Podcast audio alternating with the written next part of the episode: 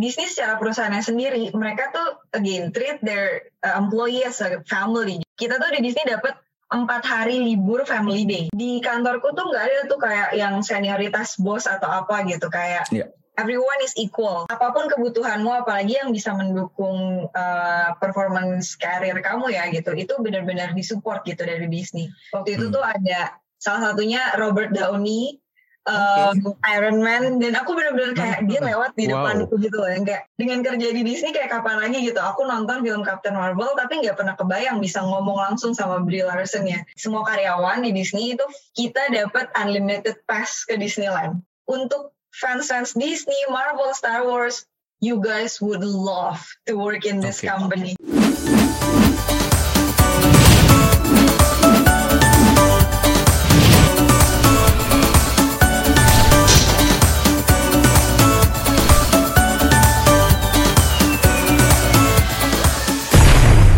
Nah, teman-teman, sebelum saya uh, memperkenalkan uh, narasumber kita kali ini, teman-teman pasti dong uh, tahu ya, atau makan mungkin sering uh, menonton dan menikmati ya film-film uh, dari Disney.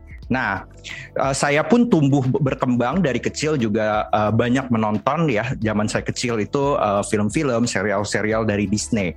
Nah, mungkin pertanyaannya sekarang saat kita udah besar ya, mungkin nggak sih kalau kita bekerja atau berkarir di perusahaan ini?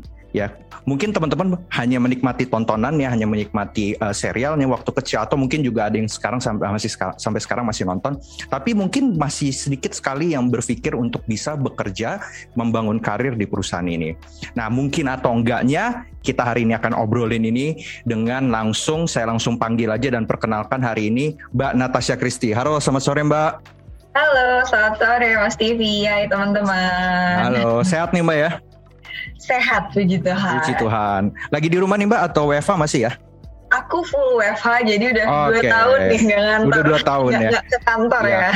Iyalah, yang penting tetap semua overall objektif dari pekerjaan bisa tercapai ya Mbak Tasya ya. Iya dong. Oke Mbak Tasya, sesuai yang tadi aku sudah opening ya kan, hari ini teman-teman ya, mas, uh, saya percaya di luar sana belum banyak yang berpikir untuk bagaimana memulai, membangun dan memikirkan karir mereka terutama di Disney karena mereka cuma nonton nih Mbak filmnya ya kan cuma nonton serialnya tapi belum kayaknya kepikiran untuk bekerja. Nah, tapi sebelum kita ngobrol-ngobrol Mbak, mungkin mohon izin mungkin Mbak Tasya boleh kenalan dulu terus mungkin apa mungkin uh, job desk atau job role yang saat ini dijalani di Disney khususnya di Indonesia ini Mbak, silakan.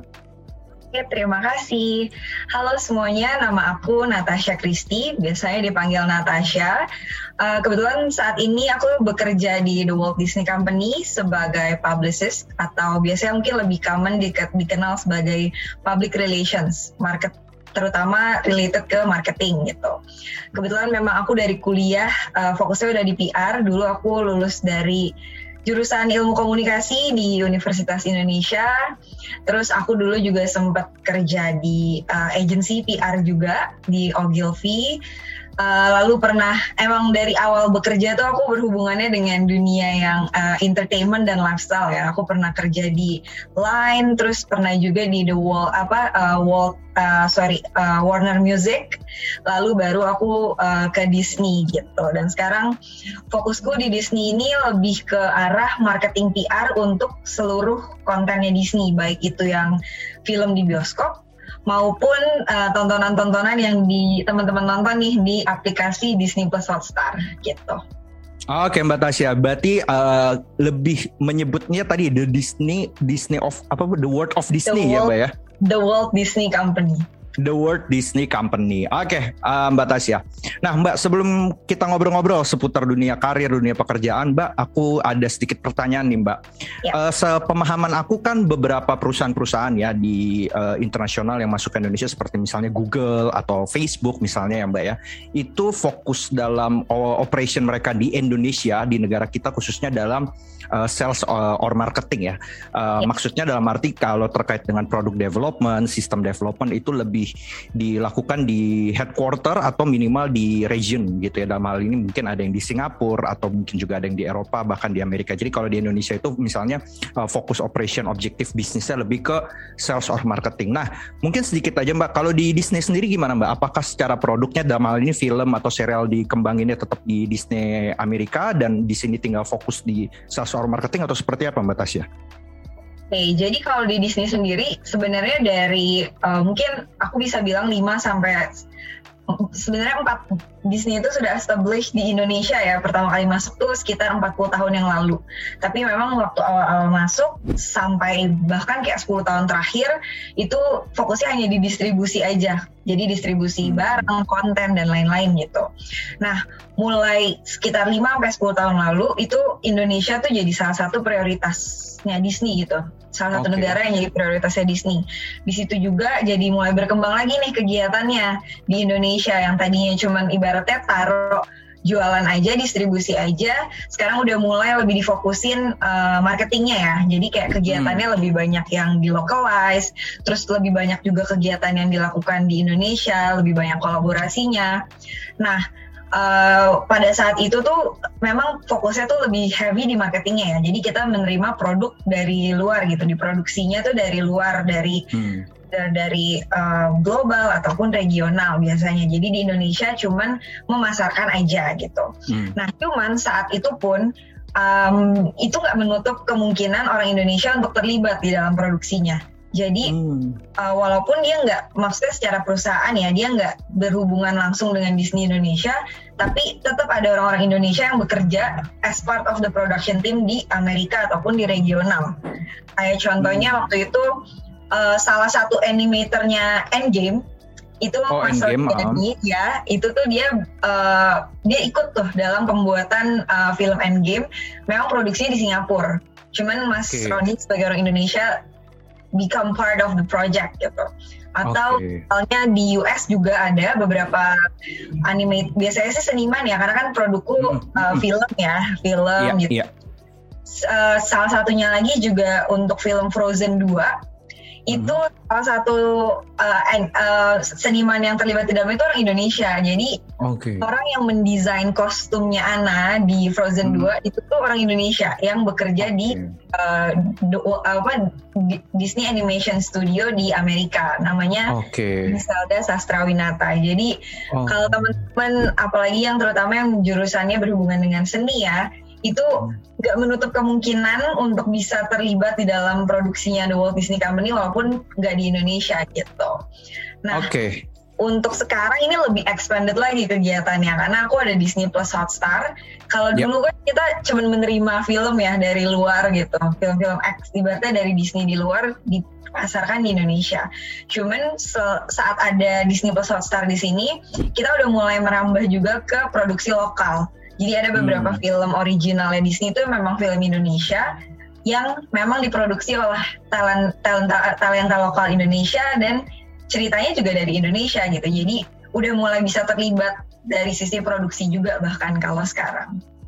Oke, Mbak Tasya, uh, aku coba summary dikit ya buat teman-teman ya. semua. Jadi awalnya mungkin Disney masuk ke Indonesia tadi hanya hanya uh, distribusi dari semua produk-produk film yang sudah dibuat di luar. Namun seperti tadi yang Mbak Tasya udah sempat uh, jelaskan ke kita semua bahwa saat-saat ini udah mulai terelaborasi lagi nih secara bisnis. Tadi bahkan orang-orang Indonesia sudah mulai dilibatkan dalam berbagai produksi-produksi uh, Disney. Tadi ada Endgame, ada Frozen 2 ya. Tadi kalau teman-teman dengar dari Mbak Tasya. Jadi keterlibatan kita sudah semakin tinggi nih karena mungkin uh, Indonesia sudah dianggap menjadi negara yang berpotensi ya secara bisnis maupun secara market bagi Disney global. Dan apalagi sekarang juga udah ada Disney Hotstar ya bagi teman-teman yang udah subscribe, yang udah langganan. Nah, uh, original-original series juga banyak ya, Mbak ya, dikembangin sama uh, Disney di Indonesia melalui Disney Hotstar tadi. Jadi ini peluang nih teman-teman. Uh, Disney uh, terutama tadi ya di Indonesia sendiri lagi uh, emerging ya, lagi growth dan ini peluang bagi teman-teman untuk yuk uh, bisa nih kayaknya untuk kita uh, memikirkan untuk bisa uh, bersama Disney memajukan di Indonesia ini. Nah, Mbak Tasya, uh, sedikit aja Mbak dulu ya zaman-zaman pandemi ini pertanyaan randomnya nih kepikiran tadi di kepikiran kepala saya saya pernah datang dulu pak tahun berapa tuh saya lupa di Senayan ada Disney on Ice dulu mbak tahu gak okay. event-event kayak gitu kan ada tuh ya dulu ya nah itu dari Disney atau dari IO tuh mbak Jadi kalau itu tuh bentuknya lebih ke product licensing. Jadi Oh, licensing. Ya, ya jadi ya, itu ya, license ya. Disney yang dibeli oleh uh, event organizer di Indonesia gitu. Hmm. Jadi kita tetap terlibat mereview dan lain-lain, cuman memang yang eksekusinya itu partner Dari, yang membeli okay. license kita gitu. Iya, iya. Karena uh, itu cukup banyak tuh Mbak loyalisnya ya. Uh, iya, maksudnya fansnya banyak. Iya, jadi kalau betul betul. Jadi masanya tuh lumayan tetap dan terus menunggu-nunggu ya. Mudah-mudahan dalam waktu dekat ada lagi ya teman-teman ya Disney on Ice ya seperti dulu sebelum pandemi ya yang lumayan uh, menghibur ya, menghibur kita. Oke Mbak, nah sekarang kita mulai nih untuk ngobrol ya. Saya mulai gam, uh, masuk ke bagian dulu gambaran umum aja nih Mbak. Secara ya. umum aja nih Mbak, uh, nggak usah terlalu detail, gambaran umum terkait ya. organisasi uh, di Indonesia ya Mbak ya khususnya ya. Uh, ada departemen-departemen atau divisi-divisi apa saja yang ada di uh, Indonesia Disney ini tapi lebih spesifiknya juga mana mungkin yang uh, posisi atau uh, job roles yang mungkin dimasuki oleh uh, teman-teman yang entry level atau fresh grade, Mbak okay. jadi sebenarnya secara global The Walt Disney Company itu memang bisnisnya cukup banyak ya variasinya. Hmm. Mulai dari park sama resort, ada juga yang film, ada juga yang sekarang baru nih kan produknya Disney Plus Hotstar atau Disney Plus kalau di luar gitu ya.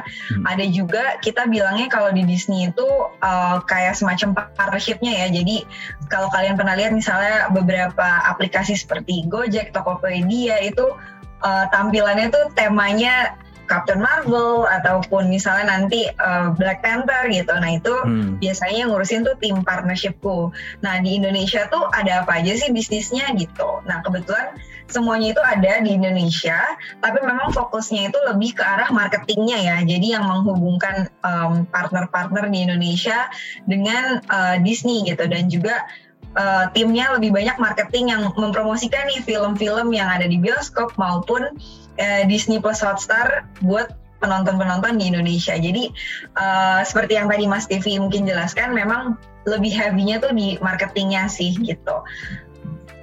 Nah, itu ya tadi teman-teman gambaran buat teman-teman. Jadi, secara organisasi ada peluang nih bagi teman-teman di luar sana yang uh, ingin ya bersama-sama mengembangkan kreativitas, mengembangkan promotion untuk produk-produk Disney ya tadi seperti film-film yang Disney buat maupun juga tadi uh, Disney Hotstar. Jadi uh, bagi teman-teman yang mungkin uh, disiplin ilmunya mungkin berkaitan dengan jurusan marketing, jurusan pemasaran ataupun juga nggak harus berkaitan dengan jurusannya tapi punya passion di bidang marketing, uh, public relations uh, or sales juga bisa.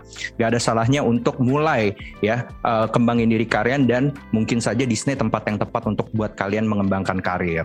Nah, Uh, berikutnya nih Mbak Tasya. Nah ini pertanyaan yang oke okay, misalnya uh, gue pengen nih ya kan pengen coba nih berkarir di uh, Disney. Tapi mungkin pertanyaannya dimulai biasanya Mbak uh, teman-teman di Disney ini khususnya di Indonesia ini uh, membuka job vacancy atau informasi lowongan kerjanya di di mana karena saya pun juga jarang ya menemukan ya gitu ya. Memang uh, memang harus banyak benar research kalau untuk nemuin. Tapi dari Mbak Tasya sendiri bisa kasih info kira-kira job vacancy yang biasa dibuka di mana? Apakah melalui career site ataupun melalui uh, job portal atau LinkedIn atau lewat mana Mbak biasanya?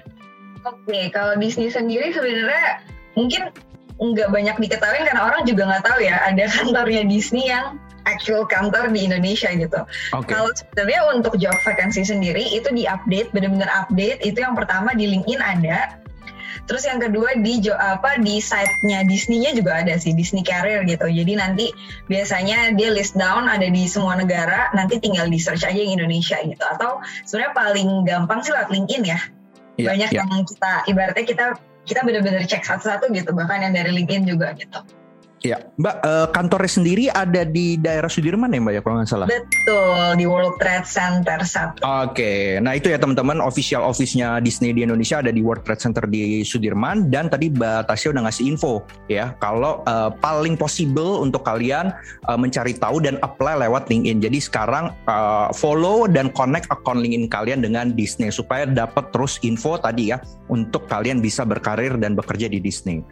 Nah, terus berikutnya Mbak, uh, mekanisme nih, tapi mekanisme rekrutmennya mungkin boleh sepengalaman batas ya kali ya waktu uh, rekrutmen di Disney, tes-tesnya apa aja Mbak, terus okay. juga tahapan-tahapannya dan kurang lebih gimana tuh Mbak uh, waktu pengalaman batasnya penilaiannya sampai akhirnya bisa untuk bekerja di Disney. Jadi tahapan-tahapan awalnya mulai dari berarti apply dulu ya pastinya apply CV, Iya.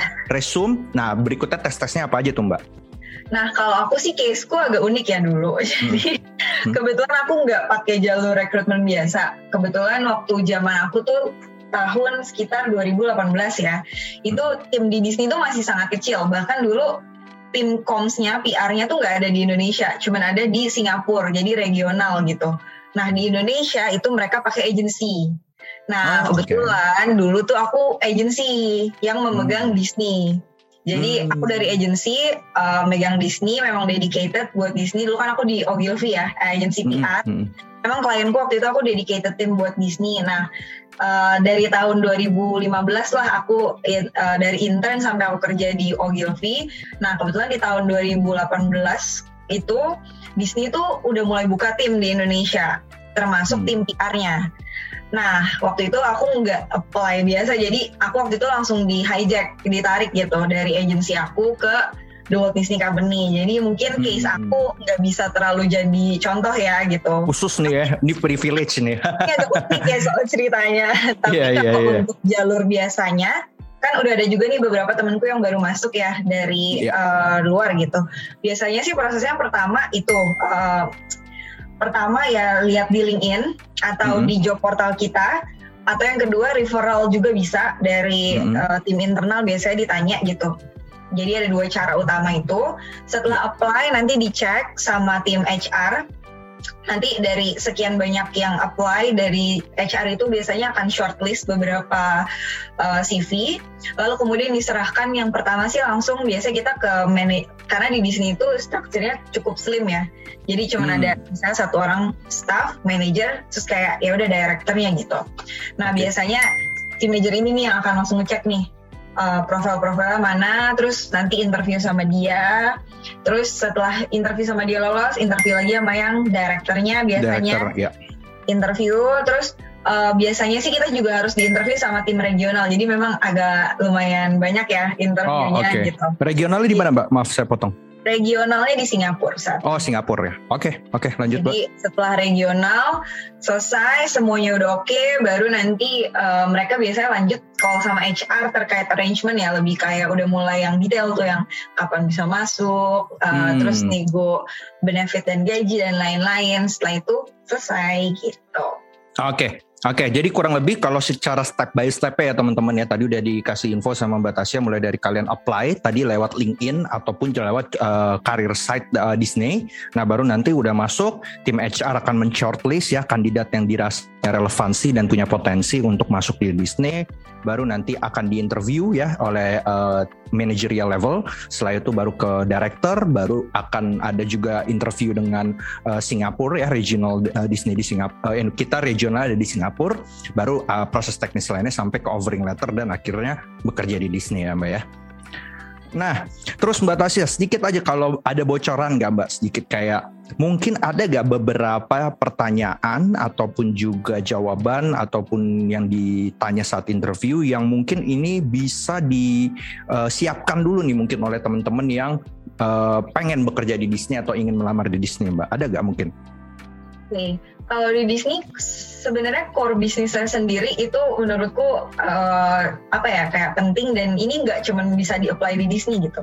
Cuman Hmm. kalau di Disney itu ada tiga hal yang benar-benar kita appreciate more than anything. Yang Wah, pertama, menarik nih. Oke Mbak. yang pertama itu storytelling.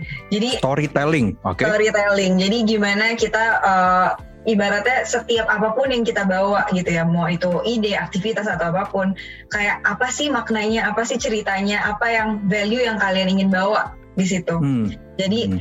ibaratnya ya the way kamu uh, mengemas ceritamu, cara storytelling itu sangat penting gitu untuk Disney.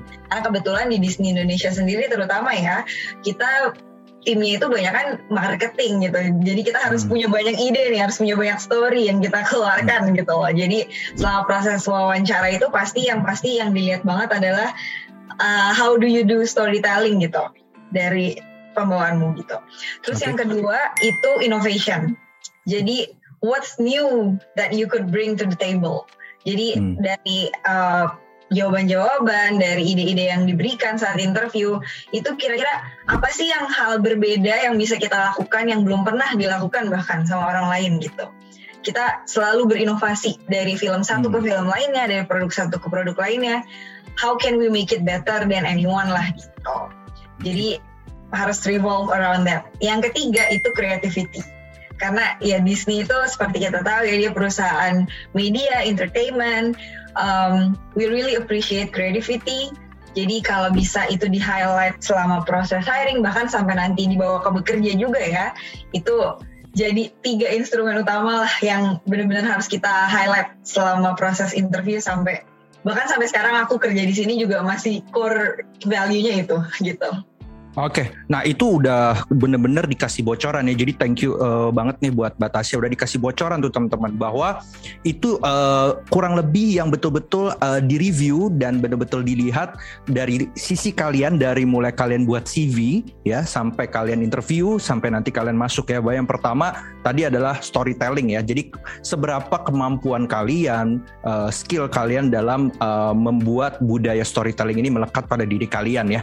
Dan itu memang sangat dibutuhkan dibutuhkan khususnya di perusahaan seperti Disney. Yang kedua tadi ya uh, inovasi dan yang ketiga adalah kreativitas. Nah, seberapa kalian bisa membawa impact ya dengan hal-hal yang tidak biasa ataupun juga hal-hal yang baru yang mungkin Disney belum pernah lakukan sebelumnya dan seberapa kreativitas kalian. Nah, tiga hal ini yang perlu kalian highlight di CV, yang perlu kalian bawa ya uh, secara organik dan original pada saat interview. Jadi benar-benar thank you ya Mbak Tasya. Benar-benar ini uh, tiga hal yang menurut saya penting ya value ini untuk uh, teman-teman siapkan kalau mereka ingin berkarir dan bekerja di Disney. Nah, berikutnya Mbak, uh, sedikit aja nih, ini pertanyaan agak sedikit uh, teknis saja Mbak. Ada gak mungkin pandangan yang berbeda atau mungkin uh, seperti apa untuk lulusan-lulusan uh, dari kampus dalam negeri ataupun kampus luar negeri untuk bisa bekerja di Disney, Mbak? Karena sebagaimana kita tahu kan Disney ya perusahaan global ya. Apakah ada pandangan yang berbeda ataupun juga mungkin uh, preferensi yang berbeda dalam hal ini, Mbak? Oke, okay, kalau dari pengalamanku beberapa kali juga udah hire orang-orang dari luar ya.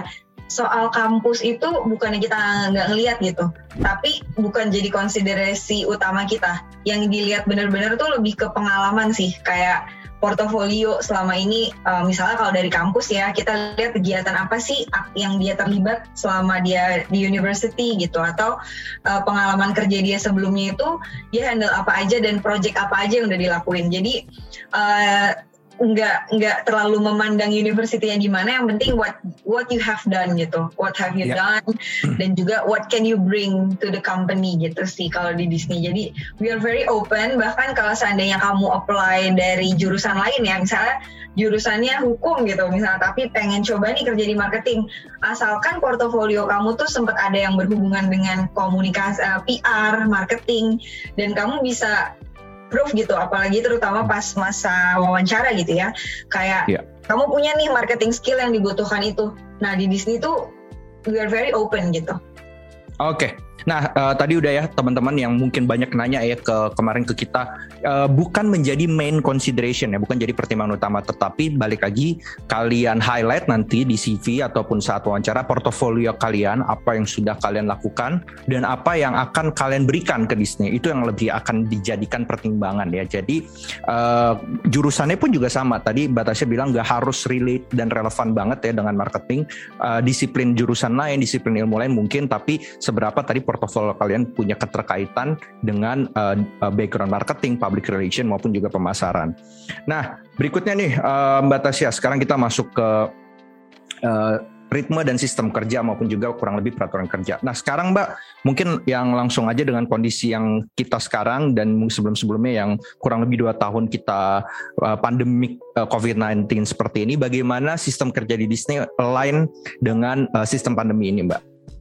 Okay. what I really love about Disney itu adalah dia really appreciate their family, their cast member gitu. Jadi keamanan kita sebagai karyawan itu benar-benar diprioritasin uh, di kantor gitu.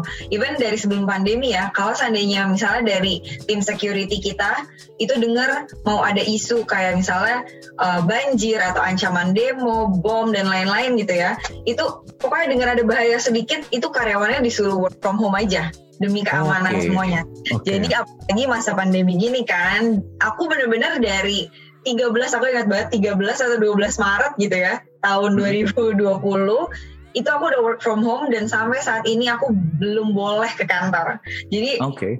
seaman itu kalau di Disney kayak yang penting keamanan karyawannya adalah nomor satu ya buat dia gitu. Jadi uh, pokoknya selama dua tahun ini aku nggak ke kantor sama sekali. Semua divisi working from home. Bahkan kalau kamu mau ke kantor, itu kamu harus urus permit gitu loh. Kayak bener-bener pokoknya kalau nggak butuh jangan ke kantor dulu karena memang bahaya gitu kondisinya kan. Nah okay. cuman memang untuk saat ini melihat kondisi juga udah semakin lebih baik. Kita udah mulai nih baru ada rencana akan kembali ke kantor tapi masih hybrid. Jadi kayak selang-seling gitu karena kan hmm. satu kondisi sekarang kan udah lebih baik juga sebenarnya. Yeah. Dan yang yeah. kedua dari timnya sendiri kita membutuhkan kayak apalagi ada orang-orang baru banyak ya belum pernah ke kantor sama sekali kan kasihan yeah. yang nggak connected gitu jadi yeah. uh, rencananya mau ada kayak misalnya dalam seminggu at least ada satu hari ke kantor namanya collaboration day di mana hmm ketemu langsung ngobrol langsung karena beda ya vibe-nya yeah, langsung yeah, sama yeah. online gitu. Jadi Setuju. udah direncanakan tapi belum dilakukan hingga saat ini sih sebenarnya. Jadi aku masih work from home udah dua tahun. Iya, iya, iya. Nah itu tadi ya uh, bahwa uh, kalau kita ngomongin sistem kerja tadi Mbak Tasya udah ngasih uh, informasi ke kita Disney memprioritaskan bahkan sebelum pandemi pun emang udah jadi prioritas ya. Jadi yeah. Mbak Tasya tadi bilang kalau ada isu banjir, kalau ada demo itu biasanya bahkan karyawan di Disney udah diminta untuk work from home apalagi pandemi udah lebih-lebih. Bahkan tadi Mbak Tasya udah hampir 2 tahun uh, full untuk bekerja di rumah. Nah tapi ke depan ada plan ya teman-teman ada rencana untuk uh, membuat hybrid. Tadi mungkin dalam seminggu ada tadi Mbak Tasya udah ngasih singgung satu hari uh, ke kantor collaboration day untuk bertemu semua. Karena mungkin saat ini ada banyak karyawan baru ya Mbak yang mungkin belum nah. sempat bertemu secara fisik ya secara tatap muka. Mm -mm, benar. Jadi itu ya teman-teman uh, gambarannya. Jadi Disney sangat mengakomodasi situasi dan kondisi saat ini dan ke depannya juga udah punya plan. Itu uh, highlight yang benar-benar kita harus garis bawahi ya. Nah, nah ini pertanyaan uh, juga teknis aja nih Mbak pandangan aja sih uh, sepengalaman batas ya juga ya. Dari skala 1 sampai 10, seberapa penggunaan ya English atau bahasa Inggris dalam keseharian rutinitas bekerja di Disney. Karena sebagaimana kita tahu ya Disney adalah perusahaan global yang banyak berkomunikasi, berkorespondensi dengan uh, Disney-Disney lain di seluruh dunia. Nah, bagaimana nih kesiapan penggunaan bahasa Inggris terutama buat teman-teman sekarang dalam bekerja nanti di Disney, Mbak? Oke, okay, I can say 90% up to 90%. Jadi okay. untuk email itu semua dalam bahasa Inggris. Bahkan hmm. uh, most of the times even timnya lokal karena udah kebiasa kali ya dan takutnya juga uh, ada copy orang-orang kita masih kerja. We we work very closely with our uh, regional team.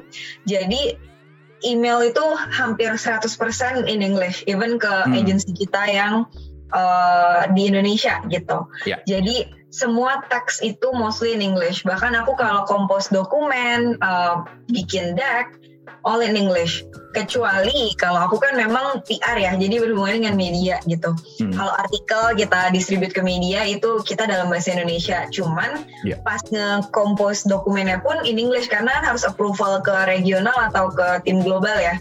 Yeah. Jadi tetap English. Jadi benar-benar penting banget sih menurutku. Oke, okay, oke. Okay. Nggak apa-apa Mbak. Jadi to be honest ya teman-teman bahwa untuk kalian bekerja di Disney uh, kemampuan bahasa Inggris kalian memang harus mumpuni ya Mbak ya. Baik yeah. secara uh, verbal maupun juga secara penulisan. Karena tadi paperworksnya pun banyak menggunakan yeah. bahasa Inggris sampai ke komunikasi. Karena bukan hanya di lokal tapi kalian juga harus banyak berkorespondensi dan berkomunikasi dengan global. Jadi uh, buat teman-teman yang saat ini memang sudah bagus secara kompetensi bahasa Inggrisnya ya kan sangat terbuka tempat ini buat kalian. Tapi yang uh, mungkin belum baik diimprove dulu ya Mbak ya, diimprove dulu, uh, ditingkatin lagi ya baik secara penulisan maupun secara verbal dan komunikasi sehingga akhirnya kalian benar-benar layak dan be memang bisa berkembang secara karir nanti di Disney gitu ya.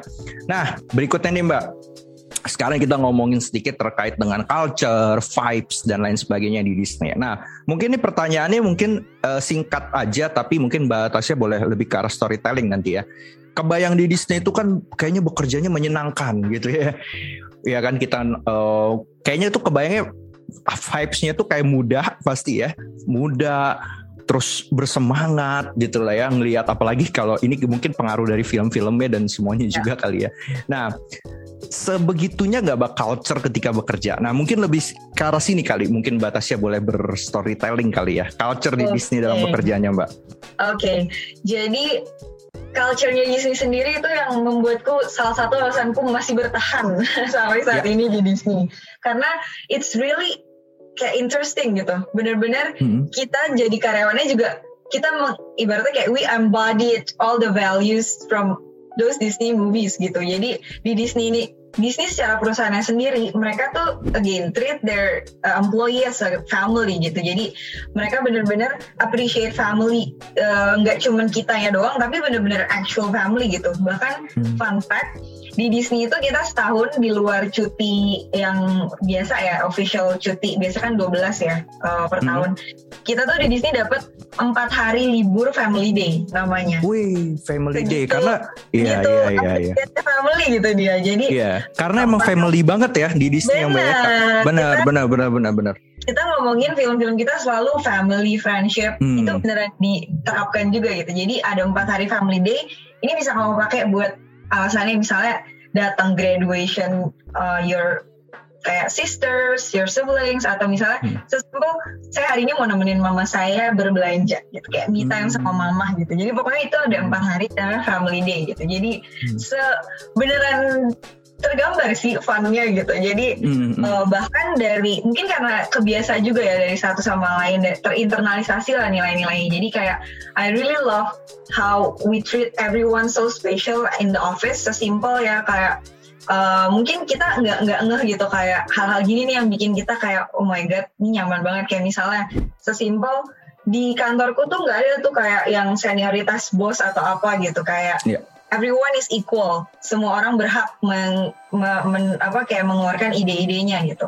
Hmm. Bahkan kadang-kadang sesimpel ya kayak uh, tim-tim kan biasa orang kayak ngerasa tim regionalnya tuh kayak VIP guest gitu-gitu.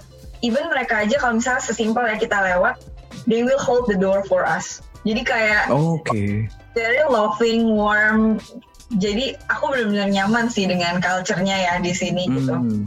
Dan yang terpenting buat aku apalagi aku dari awal ibaratnya merintis karirku di Disney gitu. Itu budaya kayak itu sih open ya. Kayak bener-bener open and collaborative gitu. Jadi semua ide itu bener-bener di appreciate di sini. Semua orang tuh boleh shout out ibaratnya kayak punya hak bicara juga dan didengar.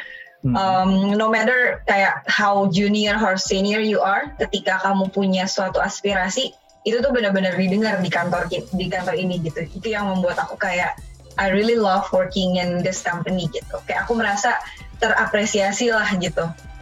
Dan didukung ya uh, cita impian-impianku gitu. Kayak goals goals aku kayak sebagai misalnya kayak aku marketing gitu aku pengen bikin program apa gitu. Walaupun mungkin dulu aku masih junior gitu baru masuk. Hmm. tapi nggak ada tuh ideku yang nggak didengar gitu. Kayak hmm.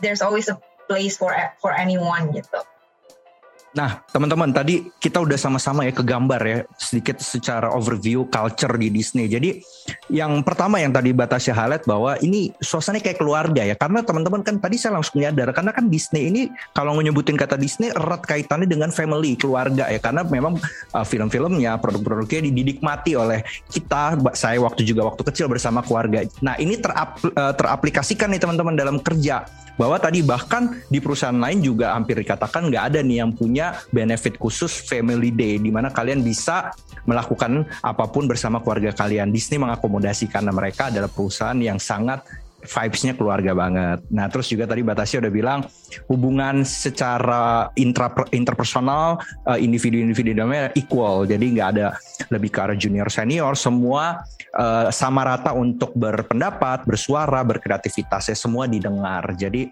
itu mungkin hal-hal yang membuat akhirnya kita nyaman ya dalam bekerja. Jadi bukan seperti kaku birokratif bahkan ya pekerja itu hanya sebagai objek semata ya teman-teman di Disney itu semua benar-benar terhargai sebagai seorang subjek atau sebagai seorang human ya dalam kita berkarir. Nah itu menarik banget ya. Nah berikutnya nih Mbak Tasya kurang lebihnya aja nih. Uh, gimana Mbak soal training ataupun juga self development uh, eh, yang dilakukan Disney untuk para uh, teman-teman di sana Mbak? Seperti aku share tadi, I really love uh, I really love how the company appreciates um, their cast member. Kita bilang employee itu cast members. Okay. Jadi uh, apa pun kebutuhanmu, apalagi yang bisa mendukung uh, performance karir kamu ya gitu, itu benar-benar disupport gitu dari Disney. Dari Disney sendiri biasanya kita ada beberapa training, terus kita juga uh, ada beberapa kegiatan yang menunjang uh, profesi kita ya. Nah di hmm. luar uh, kegiatan yang udah disediakan itu, misalnya nih aku sebagai individu punya keinginan aku mau training tentang ini nih gitu, itu bisa ditanggung perusahaan juga gitu. Kita tinggal bilang biasanya ke manajer kita hmm. kebutuhannya apa, justifikasinya apa, nanti dari perusahaan akan provide service tersebut gitu. Ibaratnya kayak provide training itu buat kita gitu.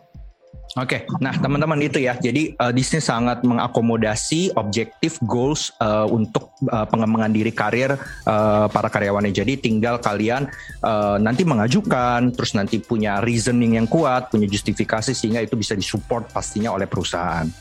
Nah, Mbak Tasya, masih di bagian ini nih Mbak Tasya. Ngomongin kerja di Disney ini, ini mungkin pertanyaannya mungkin uh, bisa terkesan gak serius atau serius nih pasti kayak kebayang nih gue bisa jalan-jalan nih ke uh, Disney Park ya yang mungkin uh, ada di luar ya. Mungkin bisa nonton premier nah, berbagai uh, premier film-film Disney yang terbaru yang mungkin belum bisa disaksikan masyarakat umum. Ya hal-hal seperti itu nih Mbak Tasya ya. Nah mungkin boleh di share deh pengalaman Mbak Tasya seberapa itu uh, bisa diakomodasi. Karena sebagaimana kita tahu ya saya juga tahu banyak loyalis loyalis ya saya bilang ya uh, fans-fans Disney di luar sana ya. Nah seperti apa nih gambarannya? Apakah mungkin bisa jalan-jalan atau mungkin bisa nonton? Atau mungkin juga kalau secara karir bisa dipromot mungkin secara pekerjaan dan karir ke Disney regional maupun Disney global? Nah lebih ke arah situ kali batas ya silakan. Oke. Okay. um, well I am a big fan of Disney myself. Jadi aku memang dari kecil suka banget sama Disney. Jadi kerja di Disney ini juga aku sebagai fans gitu. Jadi dreams come true uh, ya Mbak ya berarti ya. Bener. Apalagi untuk fans-fans kayak aku ya. Ini aku udah kerja di Disney itu sekitar jatuhnya ya dari zaman agency sampai sekarang 4 sampai lima tahun lah gitu. Ah, okay. Nggak ada bosannya sama sekali. Kenapa? Hmm. Karena I keep working with the stuff that I love gitu. Kayak hmm aku ngurusin premier filmnya Marvel, Endgame, apalagi nanti upcoming mau ada Doctor Strange.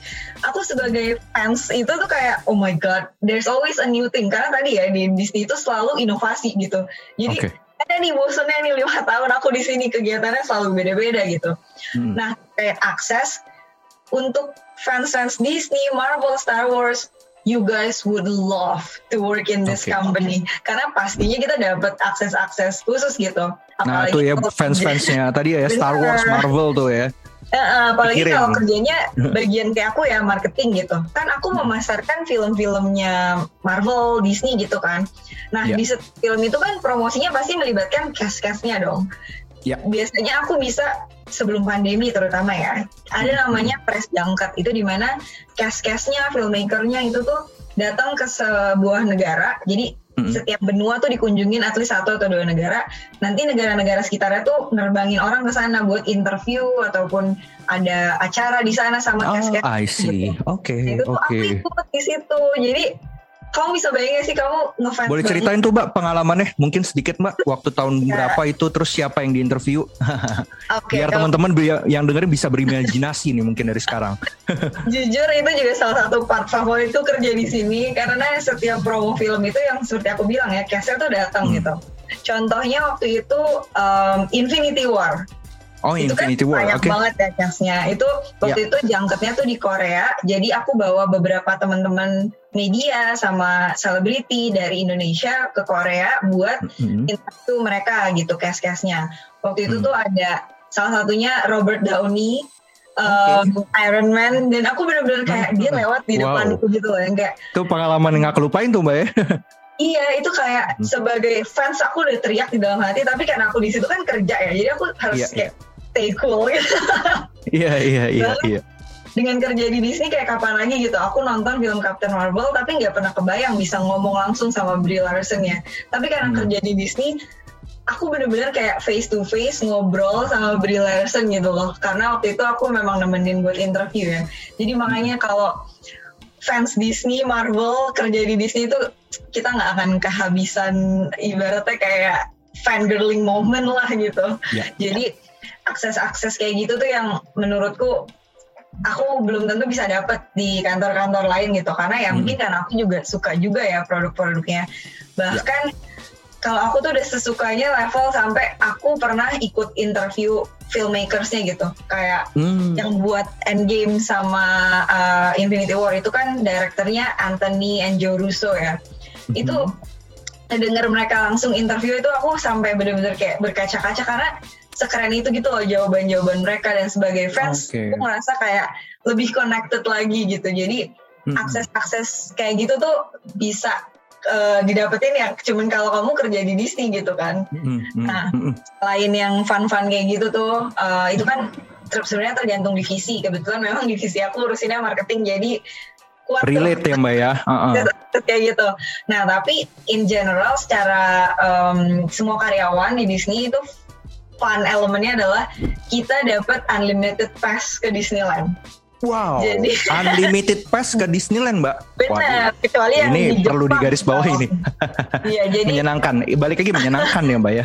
Jadi kalau ya. kerja di Disney, kamu dapat satu kartu, itu kamu bisa bawa empat orang anggota keluargamu gratis ke Disneyland. Kayak mau setiap hari juga boleh. Iya, kembali lagi core values family tadi ya, ya Mbak ya, Bener, yang diakomodasi ya. Oke, oke, oke, paham, paham.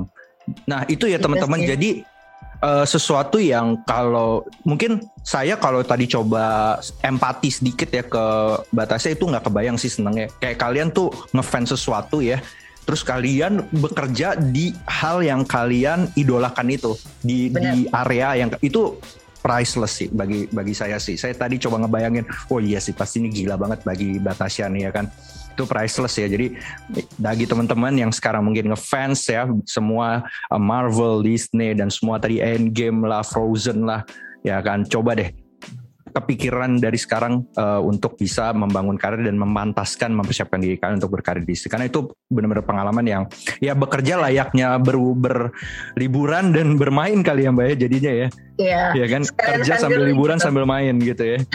Dan fun fact in Disney mm -hmm. uh, mau itu karyawan mau itu partner we always love uh, kayak we we would love to work with our fans gitu. Jadi hmm. makanya biasanya kalau interview di Disney itu ditanya kayak are you fans of Disney atau ditanya biasanya karakter favorit, film favorit. Karena menurut kita dan menurutku ini pengalaman beneran ya gitu kayak Iya, iya, iya. Beda gitu hasil pekerjaanmu saat kamu tuh emang fansnya Disney dan bukan gitu. hmm. gitu. Kayak, kalau fans Iya, iya, iya. ya. Jadi kayak yeah, yeah, dari yeah. hati juga kerjaannya. Makanya di Disney yeah. kita selalu tanya kayak are you fan gitu dan apa nah iya iya iya. Gitu.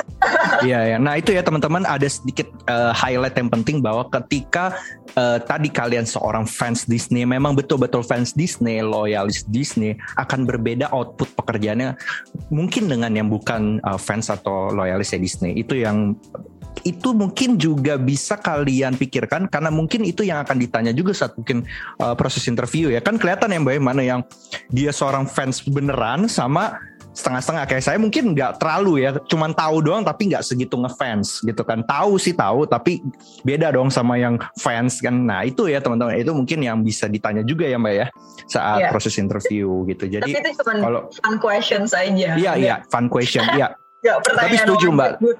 Iya iya. Tapi setuju bahwa uh, ketika dikerjakannya tadi ya benar-benar dengan hati pasti outputnya akan berbeda. Oh. Itu yang uh, kayak misalnya saya ngefans sesuatu, ketika saya ngerjain itu pasti outputnya berbeda dengan orang lain yang biasa aja gitu nggak terlalu suka. Nah itu menarik ya tadi. Dan tadi ya ada sedikit uh, spoil juga dari Mbak Tasya bahwa unlimited ke Disneyland teman-teman. Balik lagi ini perusahaan family ya keluarga. Kalian bisa ajak bahkan keluarga. Itu benar-benar hebat sekali. Empat orang bisa diajak tuh. Uh, jadi itu benar-benar sesuatu yang diakomodasi rasa vibes family di perusahaan Disney ini. Nah Uh, kita mau sedikit closing mbak tapi sebelum closing mungkin teman-teman yang nanti akan nonton mungkin langsung kepikiran nih. Nah sebelum saya ke closing mbak boleh diinfo ini teknis banget sih mbak teknis banget. Uh, link ini Disney apa ya mbak ya? Kalau biar bisa langsung di connect oleh follow mungkin nggak apa-apa boleh di uh, make sure dulu mbak. Karena pasti teman-teman langsung pada ini nih langsung pada nyiapin nih semua resumnya, CV-nya, portofolionya lah. Semuanya Kira-kira. nih kita mulai dari LinkedIn, website semuanya The Walt Disney Company.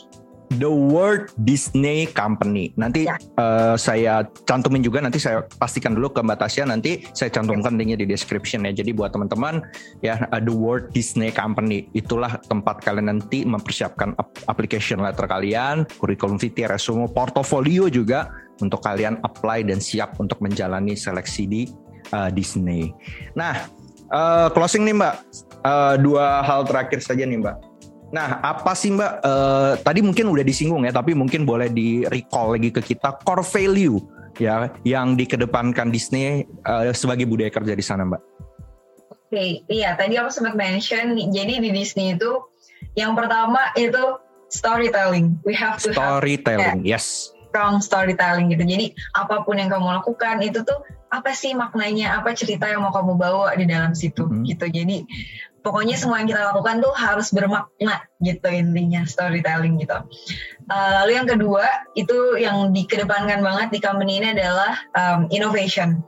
Gimana kita selalu upgrade apa yang udah kita lakukan, apa hal baru yang kita bisa bawa, terus apa yang ibaratnya kita di Disney itu selalu berkomitmen untuk kasih unique experience untuk fans-fans kita, untuk penggemar-penggemar Disney itu. Jadi yaitu kita harus selalu membawa sesuatu yang lebih baik dari yang sebelumnya gitu bahkan melakukan hal-hal yang ibaratnya luar biasa gitu dengan segala hmm. baik itu dari sisi kreativitas atau teknologi dan lain-lain gitu intinya always always always do your best gitu di apa pun yang kalian lakukan yeah. lalu yang ketiga itu creativity jadi di sini ini salah satu yang tadi aku bilang ya alasan aku suka banget kerja di sini karena they never cut off your ideas you can hmm. explore hmm. as further as you could go.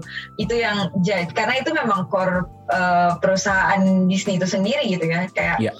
never stop dreaming itu benar adanya di sini kayak just go beyond to infinity and beyond ya kalau kata Buzz yeah. Lightyear. yeah. gitu sih. Nah, jadi itu ya teman-teman, value-nya Disney adalah storytelling, kedua adalah innovation, dan ketiga ada creativity. Itulah value yang dicari dari individu-individu anak-anak muda yang lagi mendengarkan ini. Apakah kalian punya uh, storytelling, uh, skill, kemampuan, kalian juga seorang yang kreatif dan seorang yang inovatif. Karena itulah yang akan uh, menjadi sebuah kontribusi bagi perusahaan Disney yang ada pada diri kalian. Terakhir, Mbak, um, sepengalaman Batasya yang kita dengar tadi ceritanya menyenangkan. Nah, kira-kira Mbak, uh, apa USP ya kalau kita bicara ya unique selling point ya yang mungkin sepengalaman Batasya bagi teman-teman di luar sana yang uh, kuliah tingkat akhir ataupun juga fresh grad ataupun mungkin juga yang udah bekerja uh, early experience 1 sampai 2 tahun di perusahaan mereka sekarang yang mungkin bisa menarik mereka untuk bekerja dan membangun karir dan masa depannya di di Disney Indonesia ini, Mbak. Oke, okay. kalau di Disney sendiri, one thing yang menurutku um, menarik banget ya, yang bikin aku stay di sini juga adalah oh it, unique experience itu sendiri yang tadi aku share.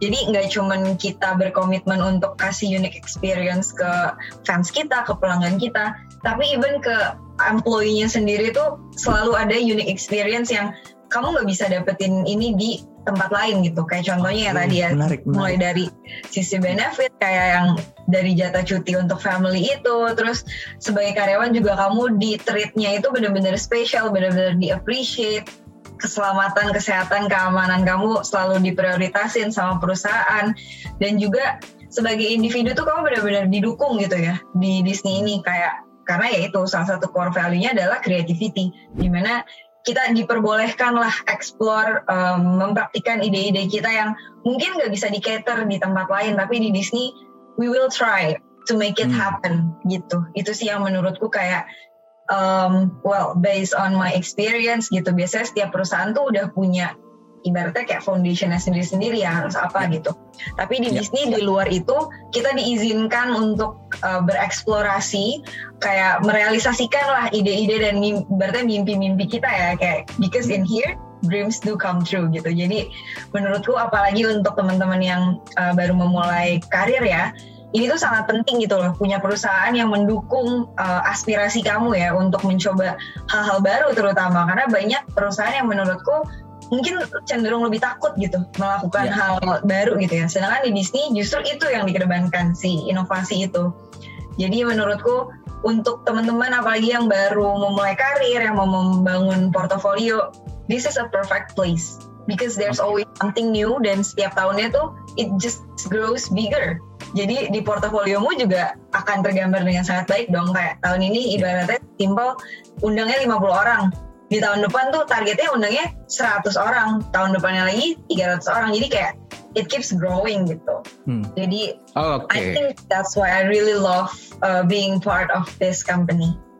Oke, okay, itu ya closing statement bagi teman-teman semua bahwa tadi highlight yang pertama yang bisa saya catat adalah mereka punya unique experience, punya unique sesuatu yang bisa dikatakan memang perusahaan lain nggak bisa kasih ya tadi. Kayak tadi uh, mungkin yang tadi saya sempat uh, flash uh, ke, uh, flashback ke belakang ya kayak jalan-jalan ke Disneyland ya emang nggak mungkin juga perusahaan lain yang bisa kasih ya mbak ya. Itu unik yang cuma Disney yang punya gitu loh kayak premier kayak tadi bertemu dengan cast-cast uh, film itu emang itu ya unique experience. Jadi USP balik lagi unique selling poin yang memang hanya Disney yang punya. Yang kedua juga tadi semua terakomodasi. Jadi setuju Mbak buat teman-teman yang punya banyak ide, punya banyak uh, inovasi-inovasi yang mungkin saja belum terakomodasi di perusahaan lain karena mungkin udah terlalu rigid atau terlalu kaku ya di perusahaan lain. Di sini terhargai, diakomodasi. Itulah mungkin yang uh, jadi poin penting yang kedua dan ketiga adalah family. Ujung-ujungnya balik lagi keluarga. Jadi uh, Disney sangat mengedepankan kebersamaan keluarga di sini karena ya baik lagi produknya pun uh, produk keluarga. Itu sih mungkin yang uh, bisa jadi closing statement. Batasya, thank you so much Mbak udah mau nyempetin uh, ngobrol-ngobrol sore-sore nih menjelang nanti uh, teman-teman buka puasa ya. Jadi uh, terima kasih buat Mbak Tasya. Uh, aku selalu support dan selalu doain semoga sukses terus ya Mbak buat karir Mbak Tasya dan Amin. juga men, uh, sehat selalu ya kan. Jadi itu teman-teman hasil ngobrol kita nge-stalkingin uh, satu perusahaan yaitu Disney gitu ya. Jadi uh, apakah kalian fans Disney yang memang saat ini sudah banyak fans dengan film-filmnya ya dan belum kepikiran untuk bekerja? Nah ini saatnya untuk kalian persiapkan diri kalian semua. Itu aja mungkin uh, episode kali ini teman-teman semua.